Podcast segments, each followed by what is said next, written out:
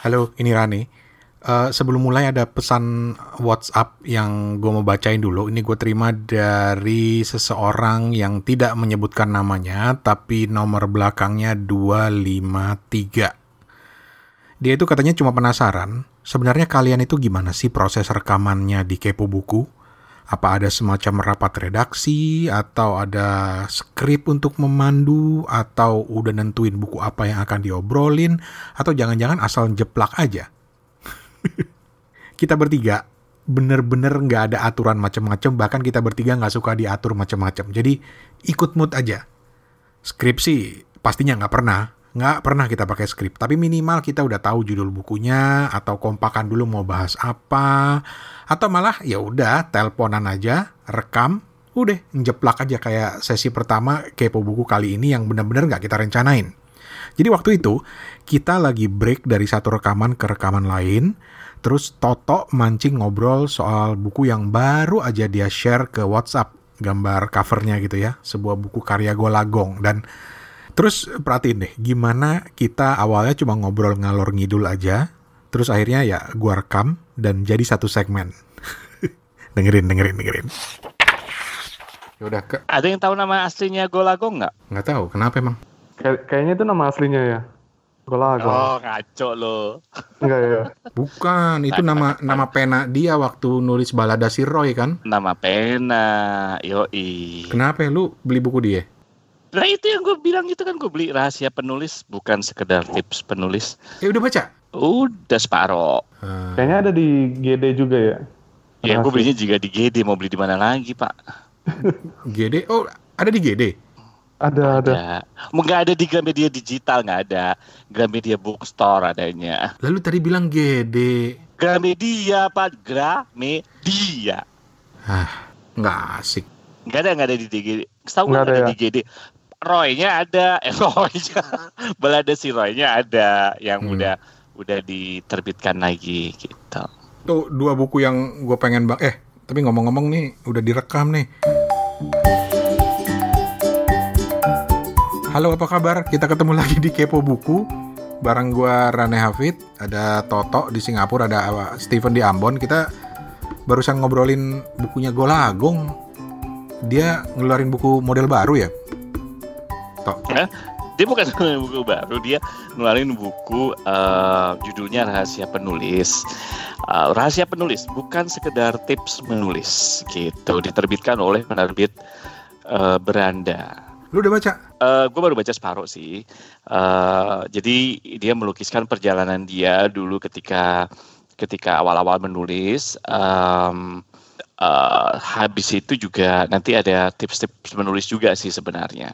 Tapi ya bukunya bukan uh, nyam, jadi nyampur antara ceritanya dia dan dan uh, tips-tips menulis gitu apa yang harus dilakukan sebagai penulis yang bagus. Dia juga bercerita tentang sekolah menulisnya gitu misalnya. Sekolah menulis uh, dia kan punya sekolah menulis rumah dunia dia juga cerita di sana gitu.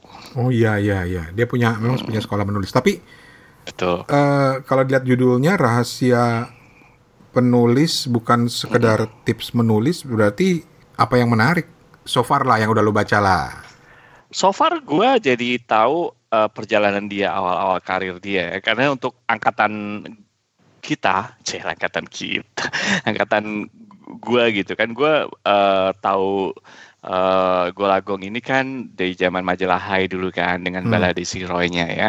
Uh, di mana kalau dulu orang mungkin kenal yang namanya Hilman dengan lupusnya gitu ya. Hmm. Uh, dia mengisahkan kalau Hilman dan lupusnya itu uh, uh, pop gitu. Sedangkan kalau Golagong dengan balada Sironya itu cerita balada Siro itu adalah rocknya gitu. Jadi uh, Disney menganggap bahwa bahwa karyanya dia itu seharusnya merupakan bridging dari karya-karya sastra yang pop gitu walaupun dia nggak setuju dengan dikotomi seperti itu menjadi sebuah sastra yang serius. Jadi dia menganggap bahwa karyanya itu seharusnya jadi bridging gitu. Nah buku ini menarik sebenarnya. Kok gue jadi bahas buku ini sih? Ya, buku ini menarik. Buku ini menarik karena uh, di preskriptumnya itu justru dia mengatakan bahwa preskriptum itu awal, awal pembukanya ya. Setiap ada deadline. Jadi orang langsung di kalau lu jadi penulis lu setiap pada deadline lu harus kalau misalnya deadline lu empat minggu ya empat minggu gitu uh, disiplin awalnya sih kalau gue tangkap begitu ya kemudian dia cerita uh, gimana bagaimana dia akhirnya menjadi memilih profesi sebagai penulis. Dia menceritakan bagaimanapun kan Golagong ini juga difabel kan ya. Hmm. Uh, uh, dia nggak punya tangan satu ya sebelah ya. kiri apa sebelah kanan sebelah sebelah kiri ya hmm. gitu dan dan gue baru tahu bahwa gol Agog ini juga ternyata seorang atlet loh serius Iya, karena di fabelnya itu dia dia tuh juara badminton di 1985 1990 juara badminton cacat. Hmm. Kemudian juga juara kedua uh, uh, kenapa yang uh, badminton juga gitu ya uh, sebanten gitu. Awalnya gitu dulu kemudian uh, dia bahkan berkompetisi dengan orang yang nggak uh, uh, difabel gitu ya. Dan dia ternyata adalah juara single solo di ASEAN Para Games men. Gak ada yang tahu lah ada yang gue juga gak tahu setelah baca ini setelah baca buku ini. Menurut gue ini buku menarik terutama buat lu, lu pada yang pengen jadi penulis kali gitu ya. Tapi bisa dibilang jadi kayak semi autobiografis juga gak sih buku ini? Gue penasaran. Uh, bisa dibilang begitu sih semi se jadi kalau dibilang autobiografi men, penuh ya enggak tapi lu paling enggak lu bisa tahu bagaimana kisah dia awal-awal kenapa dia bisa masuk uh, sebagai seorang penulis masuk ke sastra Unpad walaupun dia tidak menyelesaikan gitu ya uh, jalan-jalannya dia awal-awal karir dia di majalah Hai kayak gitu-gitu gitu kemudian uh, di samping itu juga banyak tips penulis uh, uh, bagaimana dia itu um, macam-macam lah dari mulai diskusi masalah plotnya, kemudian bagaimana lu harus meriset gitu. Dari menurut dia tuh riset tuh penting banget gitu. Bagaimana dia harus disiplin, bagaimana dia harus memilih uh, alur, uh, nama tokoh dan sebagainya. Tapi dia selalu menyelingi itu dengan bagaimana hmm kisahnya dia ketika dia menulis balada si Roy misalnya kayak gitu. Gimana bagian pembukanya gimana seperti itu. Dan kalau lu pengen tahu nama aslinya apa artinya Uh, kalau di Hai dulu awal-awal kan lu kalau inget ya nama di Hai itu dia pakai nama Golagong A-nya disambung. Hmm. ya dan di buku ini dia udah menulis dengan terpisah Gol A Gong mereka gitu kan. Apa arti golnya apa arti a-nya apa arti gongnya ada di buku ini. Dan uh, ap, siapakah nama aslinya Golagong juga ada di buku ini. Gue umpetin ya supaya lu bisa dapetin buku ini dan okay. lu baca. Oke. Okay. gitu. Fen udah baca belum Fen? Atau udah tahu uh, belum, belum. ada buku ini? Belum tahu belum tahu sebelumnya. Kalau Golagongnya sendiri lu kenal nggak sih uh, pernah baca bukunya di Gramedia Digital yang mengupas ini, mengupas apa tulisan-tulisan perjalanan tuh yang kayak gimana gitu. Hmm. Banyak tips yang bagus gitu dari beliau. Bagus bukunya. Yoi. Hmm. Yoi. Dan gue suka banget, terutama balada si Roy ini pada saat dia lagi traveling ke mana-mana itu suka banget penggambarannya dan ada bagian yang gue lupa judulnya yang mana, tapi itu mengingatkan gue pada salah satu novel, salah satu dari buku supernovanya Dewi Lestari yang begitu gue baca di situ kan tokohnya ada yang uh, traveling juga di ke negara-negara di Asia Tenggara gitu ya. Mm-hmm. Terus ketika gue baca bagian-bagian itu gue teringat banget sama cerita-ceritanya Golagong gitu. Tapi balik hmm. balik ke buku tentang menulis dari Golagong tadi. Hmm. Ini lu kan udah pernah baca dong menulis novel itu gampang. Hmm. Menurut lu kalau mau dibandingin gimana menurut lu? Tok. Beda ya. Kalau menulis gini gini, kalau menulis eh, novel itu gampang atau mengarang itu gampangnya Arswendo, hmm. itu kan lebih gimana ya? Uh, kalau dia kan uh, kalau bukunya Arswendo itu kan lebih ke cerita ya gitu nggak sih? Hmm. Lebih ke cerita gitu, bagaimana menulis plot kayak gitu-gitu. Nah, kalau yang buku ini sebenarnya dia lebih ke arah gimana ya? Bukunya lumayan tebal juga sih menurut gue. Uh, jadi kalau buat lo yang suka baca buku yang sifatnya praktis, hmm mungkin buku-buku seperti Golagong ini agak susah karena lu harus menyarikan lagi gitu ya, Oh. menyarikan lagi. Eh, jadi jadi kayak misalnya dia eh, ngomong masalah tujuan menulis gitu kan, pentingnya buku harian. Dia kan cerita cerita tuh panjang gitu, misalnya eh, gimana forum lingkar penanya dia gitu, kayak gitu gitulah misalnya gitu kan. Hmm. Baru menyarikan. Kalau buat lu yang suka sih seperti itu. Jadi gua gua, gua kalau ngebayangin ya buat teman-teman yang mungkin pernah kuliah di ekonomi gitu ya. Pernah kuliah di ekonomi, kalau lu baca buku textbook ekonomi terbitan luar negeri Amerika itu kan banyak ilustrasi tuh. Yoi. cerita banyak gitu. Mungkin lu kalau kuliah di ekonomi eh kalau ya di komunikasi kan juga gitu ya Ran ya. Hmm. lu baca textbook luar negeri tuh kayak tebel banget. Sementara lu kalau beli buku misalnya terbitan Indonesia itu langsung aja intisarinya atau eh, langsung inti ilmunya gitu gimana sih ngomongnya ya nah buat lu yang suka buku dengan ilustrasi dan lu merasa nempel ya mungkin buku Golagong ini bagus gitu tapi kalau buat lu yang pengen jadi pengarang khusus gitu ya gimana To the gimana point gitu ya. plot langsung to the point ya banyak buku-buku mengarang lain yang sifatnya to the point kan gitu Termasuk Arswendo Atmawiloto dengan mengarang itu gampang. Eh, walaupun di di di di di apa namanya ya dituliskan dengan cara narasi ya dengan cara dialog ya dengan Iya. cara dialog seperti orang wawancara ya tapi dia to the point gitu nah kalau gue lagu ini enggak Hmm. Mengarang itu gampang itu kerennya itu jauh sebelum ada frequently asked question di internet, eh, Ars- Mas Wendo udah pakai tuh di bukunya dia. itu kan betul tanya jawab tanya jawab tanya jawab gitu kan. Mm, mm, mm, bener. Jadi kalau kalau kalau apa namanya eh, kalau bukunya Golagong ini lebih ke arah gimana ya lebih naratif gitu. Jadi lu harus Hmm. sabar membacanya. Tapi menurut gua justru ingin melengat.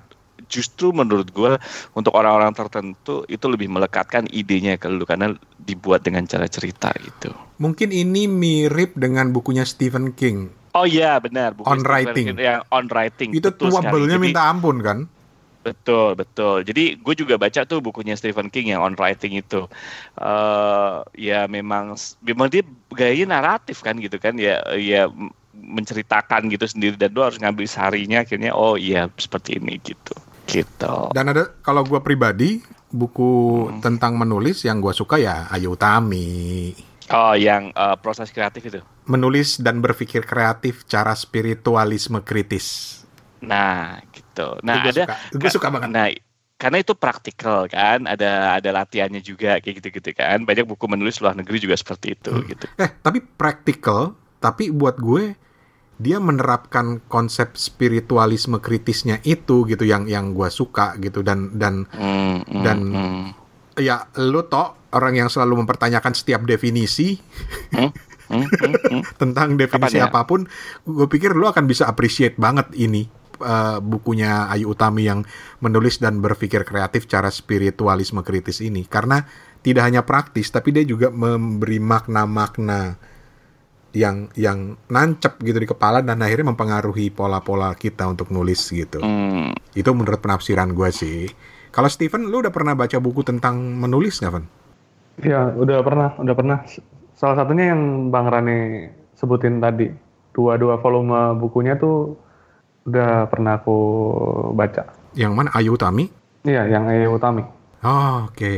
Gimana? Lu suka nggak? Eh, Karena karena gini, karena ada Ah. temen gue yang nggak suka, katanya terlalu bertele-tele. Ya, itu itu pendapat pribadi masing-masing ya, tapi em, dengan dengan ringkas kok dia memberikan apa eh, tools-toolsnya gitu kan, pengertiannya baru dikasih latihan. Hmm, itu dia. Jadi mendalam tapi ada ada apanya ya? Ada praktisnya gitu. Mm-mm. Kalau eh, Ayu Tami lu bilang bertele-tele, ada orang yang bilang bertele-tele, mungkin Golagong yang buku ini lebih bertele-tele lagi. Tapi saran gue sih, gue sih tetap harus dibaca buat orang yang pengen jadi penulis sih, saran gue. Hmm. Karena bagus Jadi- banget tips-tipsnya gitu. Jadi rahasia penulis ini apa nih? Maksudnya, Lu nanya rahasia penulis sama orang yang belum pernah nulis. Oh oh iya jangan nanya sama gue. Satu belum pernah nulis, satu gagal menulis melulu. Nah iya makanya gimana dong? Tapi ini Toto barusan ngirimin nih salah satu screenshotnya nih. Di sini ada Hmm, nah bagian itu salah. ada satu bagian dia tentang observasi. Itu dia cerita Iya. tentang pertemuan dia dengan, dengan Leila, Mbak Leila. Lela Hudori. Halo Mbak Leila, apa kabar? Jadi idola kita. Nih gue bacain dikit ya. Eh, salah satu bagian dari bukunya Golagong ini. Aku ingat ada penulis cerita seusiaku. Oh iya ya, Golagong tuh seusianya Lela Hudori ya. Iya. Aku ingat ada penulis cerita seusiaku yang sudah muncul di majalah Kuncung namanya Leila S. Hudori. Bahkan ketika aku remaja di SMA, eh, dia semakin eksis sebagai penulis di majalah Hai. Aku cemburu. Aku termotivasi ingin menjadi penulis seperti dia. Dan kamu tahu kawan, setelah puluhan tahun berlalu, ketika aku mengetik buku ini sambil chatting di Facebook eh, tahun 2009, aku menemukan nama Leila S. Hudori. Aku, aku pun ngobrol dengan dia terutama tentang proses kreatifnya. Aku juga bertemu dengan Leila Hudori di Frankfurt Book Fair 2015. Aku mengidolakan tulisan-tulisannya. Mbak Lela harus bacain. Mbak Lela udah tahu belum namanya disebut di sini ya? iya, gue inget, baru inget ya. Lela Hudori, Golagong itu di di era-era yang kurang lebih sama. Ya duluan duluan Lela Hudori sih. Lela Hudori, ya benar. Oke. Betul. Gua akan cari sekali lagi eh, judul bukunya toh. Bukunya Rahasia Penulis bukan sekedar tips penulis diterbitkan oleh penerbit Beranda. Cetakan pertama Agustus 2019 oleh Golagong. Buat yang pengen tahu nama aslinya Golagong, silakan dibeli. Dedi, Dedi. Eh bukan nih, gue main sebut Gatot, Gatot. Gatot tuh guru matematika gue di SD. Mana ada orang dia orang Sunda pak di Banten gimana? Dedi Sudedi.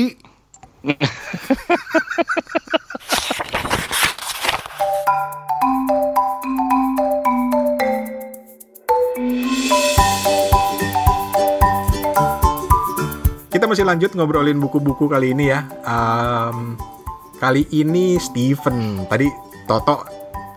Padahal kita sambil ngobrol ngalor ngidul, tiba-tiba kesebut nama Golagung ya sekalian aja lah ceritain gitu. iya, padahal gue belum habis ya. Padahal belum habis.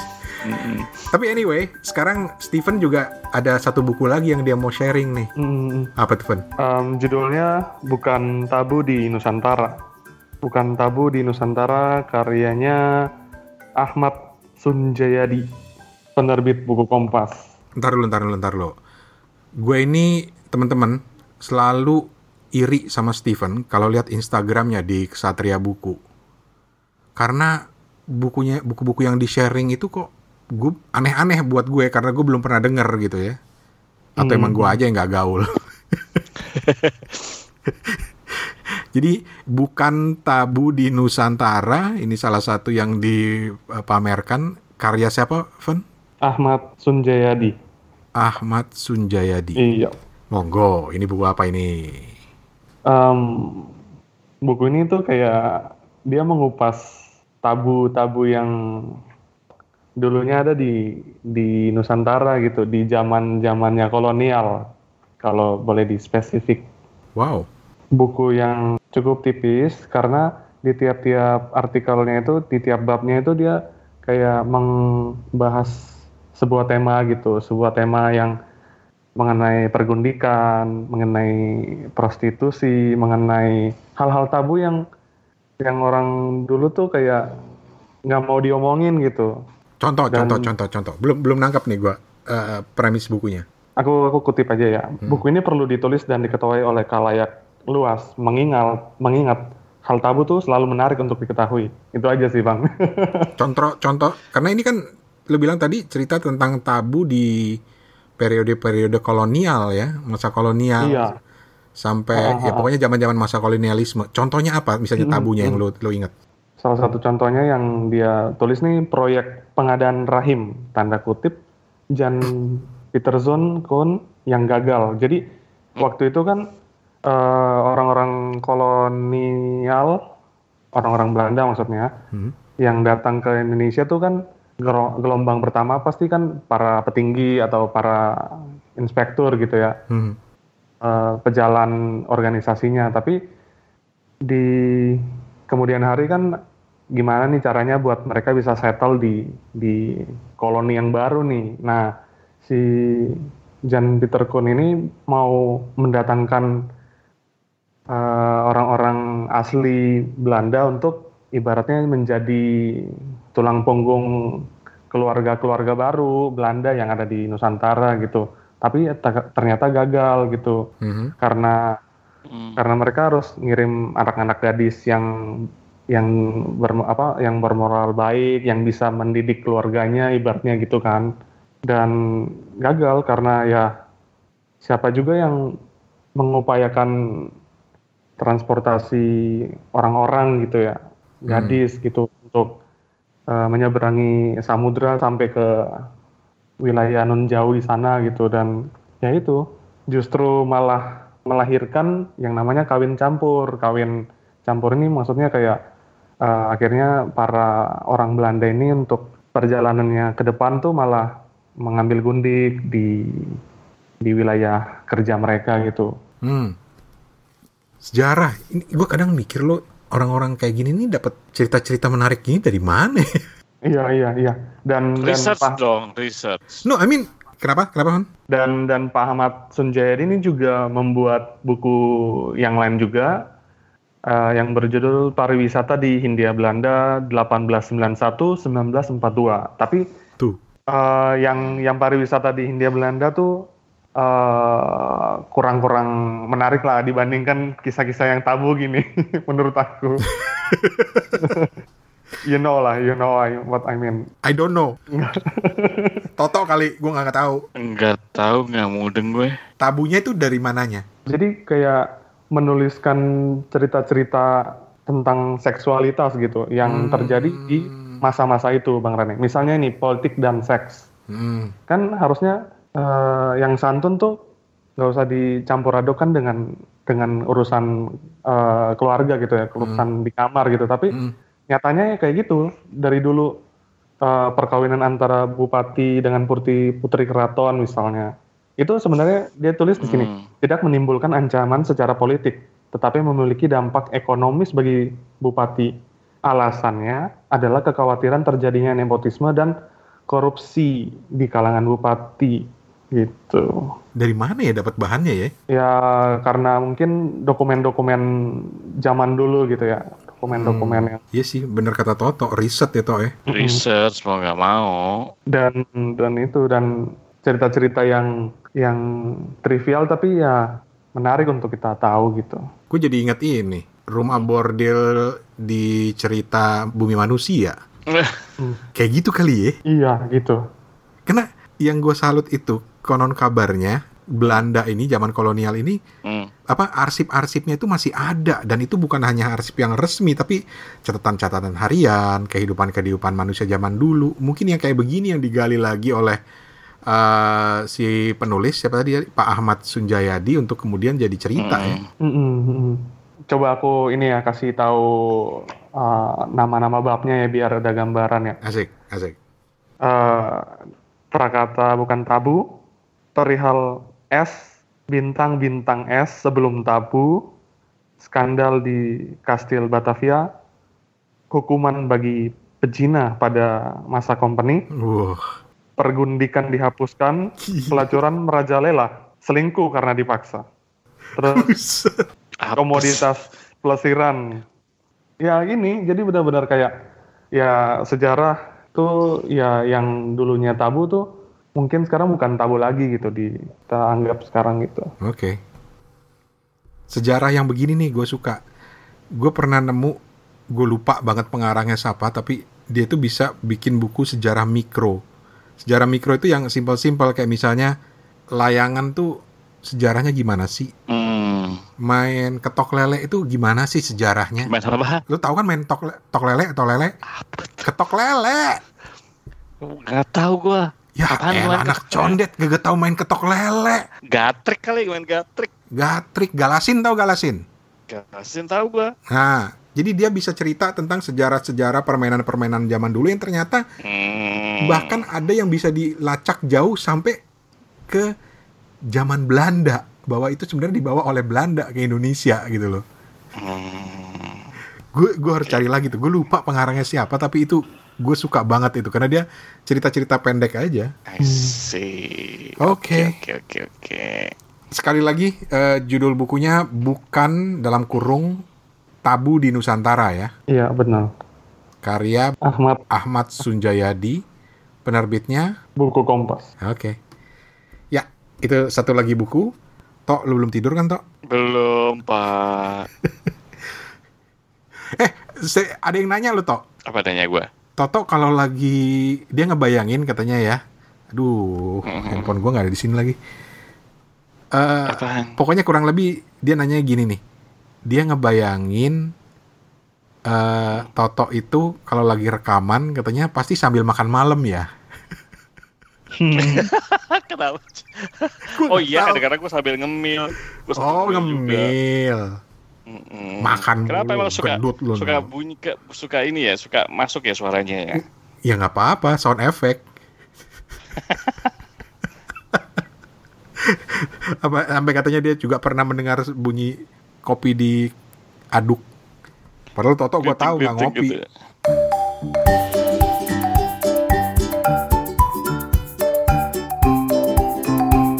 Oke kawan-kawan mudah-mudahan dua rekomendasi buku kali ini cukup memancing rasa penasaran kalian, rasa kepo kalian untuk juga ikut membaca atau kalian punya buku yang menurut kalian lebih keren lagi. Beh, ini lebih keren lagi bang bukunya bang, kudu baca. Kalau memang begitu, ceritain dong ke kita.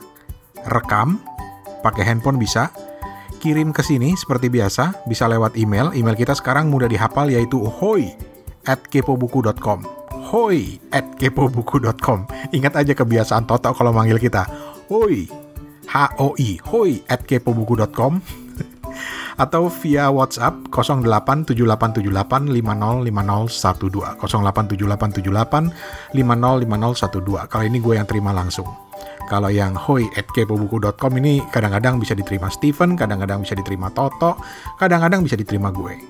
Bebas mau yang mana aja Eh, apalagi ya? Oh ya banyak juga yang nanya nih ngerekamnya gimana sih bang? Pakai HP cukup. Di HP itu kan ada voice recorder. Rekam di situ nggak perlu dah suara kalian tuh harus jaim harus bersuara emas atau suara yang berat kayak penyiar gitu. Nggak nggak nggak nggak nggak. Kita tuh cuma perlu satu aja dari cerita-cerita kalian yaitu ya cerita-cerita buku kalian. Karena kita selalu kepo mau tahu bacaan orang lain. Daripada mau tahu urusan orang lain ayo yang penting pastiin suara kalian jelas. Jelas yang penting itu aja dulu. Jelas a i u e o nya lu ngomong apa jelas. Itu aja yang penting. Lebih bagus lagi sebelum rekam tes dulu. Tes 1 2 3 ini jelas nggak ya? Oh kayaknya posisinya begini enak nih. Jadi nggak ada suara macam-macam gitu ya. Oke langsung rekam gitu terus apa tips lain? Kalau malu diliatin orang lagi ngerekam gitu ya. Orang mungkin mikir lu ngapain sih lu ngerekam rekam lu kayak wartawan aja? Gitu. Nggak usah malu sih sebenarnya tapi kalau emang kalian malu ya cari tempat yang sepi rekam di kamar misalnya atau tiru cara gue. Jadi gue tuh kebiasaan kalau ngerekam buat podcast lagi di luar, itu cukup nyalain rekaman di HP, terus pura-pura nelpon, pura-pura ngobrol, lagi cerita tentang buku ke orang lain gitu ya. Dan orang jadinya nggak bakal kepo, nggak bakal penasaran karena dia lihat ah ini cuma orang lagi nelpon biasa aja. Itu manfaat yang ke pertama. Manfaat yang kedua dengan cara ini cerita lu jadi lebih mengalir karena lu seolah-olah emang lagi teleponan. Sok, dicoba, sok. Latihan sekalian. Kalau udah lancar, sering-sering kirim ke Kepo Buku. Terus eh, terakhir buat kalian yang udah ngirim baru-baru ini, mungkin dalam 2-3 bulan terakhir ini kalian udah ngirim rekaman, tungguin. Di episode berikutnya setelah episode ini ya, di episode minggu depan, kita bakal share rekaman cerita-cerita buku kalian. Paling tidak udah ada tiga orang yang udah ngirim, yang yang udah gue pastiin bagus kualitasnya gitu ya. Sementara yang jelek nanti gue coba akalin dulu apa masih bisa diperbaiki atau enggak. Kalau ternyata nggak bisa diperbaiki, gue akan kirim balik ke orangnya dan bilang, bos, minta tolong bos, direkam ulang ya, please, please ceritanya bagus, please. Jadi jangan lu ngirim ke gue terus bilang bang kalau jelek udah nggak usah diputer, sayang, cerita lu bagus, ngapain kalau nggak direkam ulang ya nggak? Eh, apalagi? Udah itu aja sih. Eh, sementara yang lain yang masih mau ngirim kita tunggu, selalu kita tunggu. Jangan lupa subscribe ke podcast Kepo Buku di berbagai aplikasi podcast yang ada di handphone kalian atau main aja ke website baru kita kepobuku.com. Tinggalin komen juga di situ jangan lupa. Ya wes, atas nama Toto di Singapura, Steven di Ambon, gua Rane Hafid pamit. Assalamualaikum, sehat terus, waras terus, baca terus, dan yang terpenting, berbagi terus.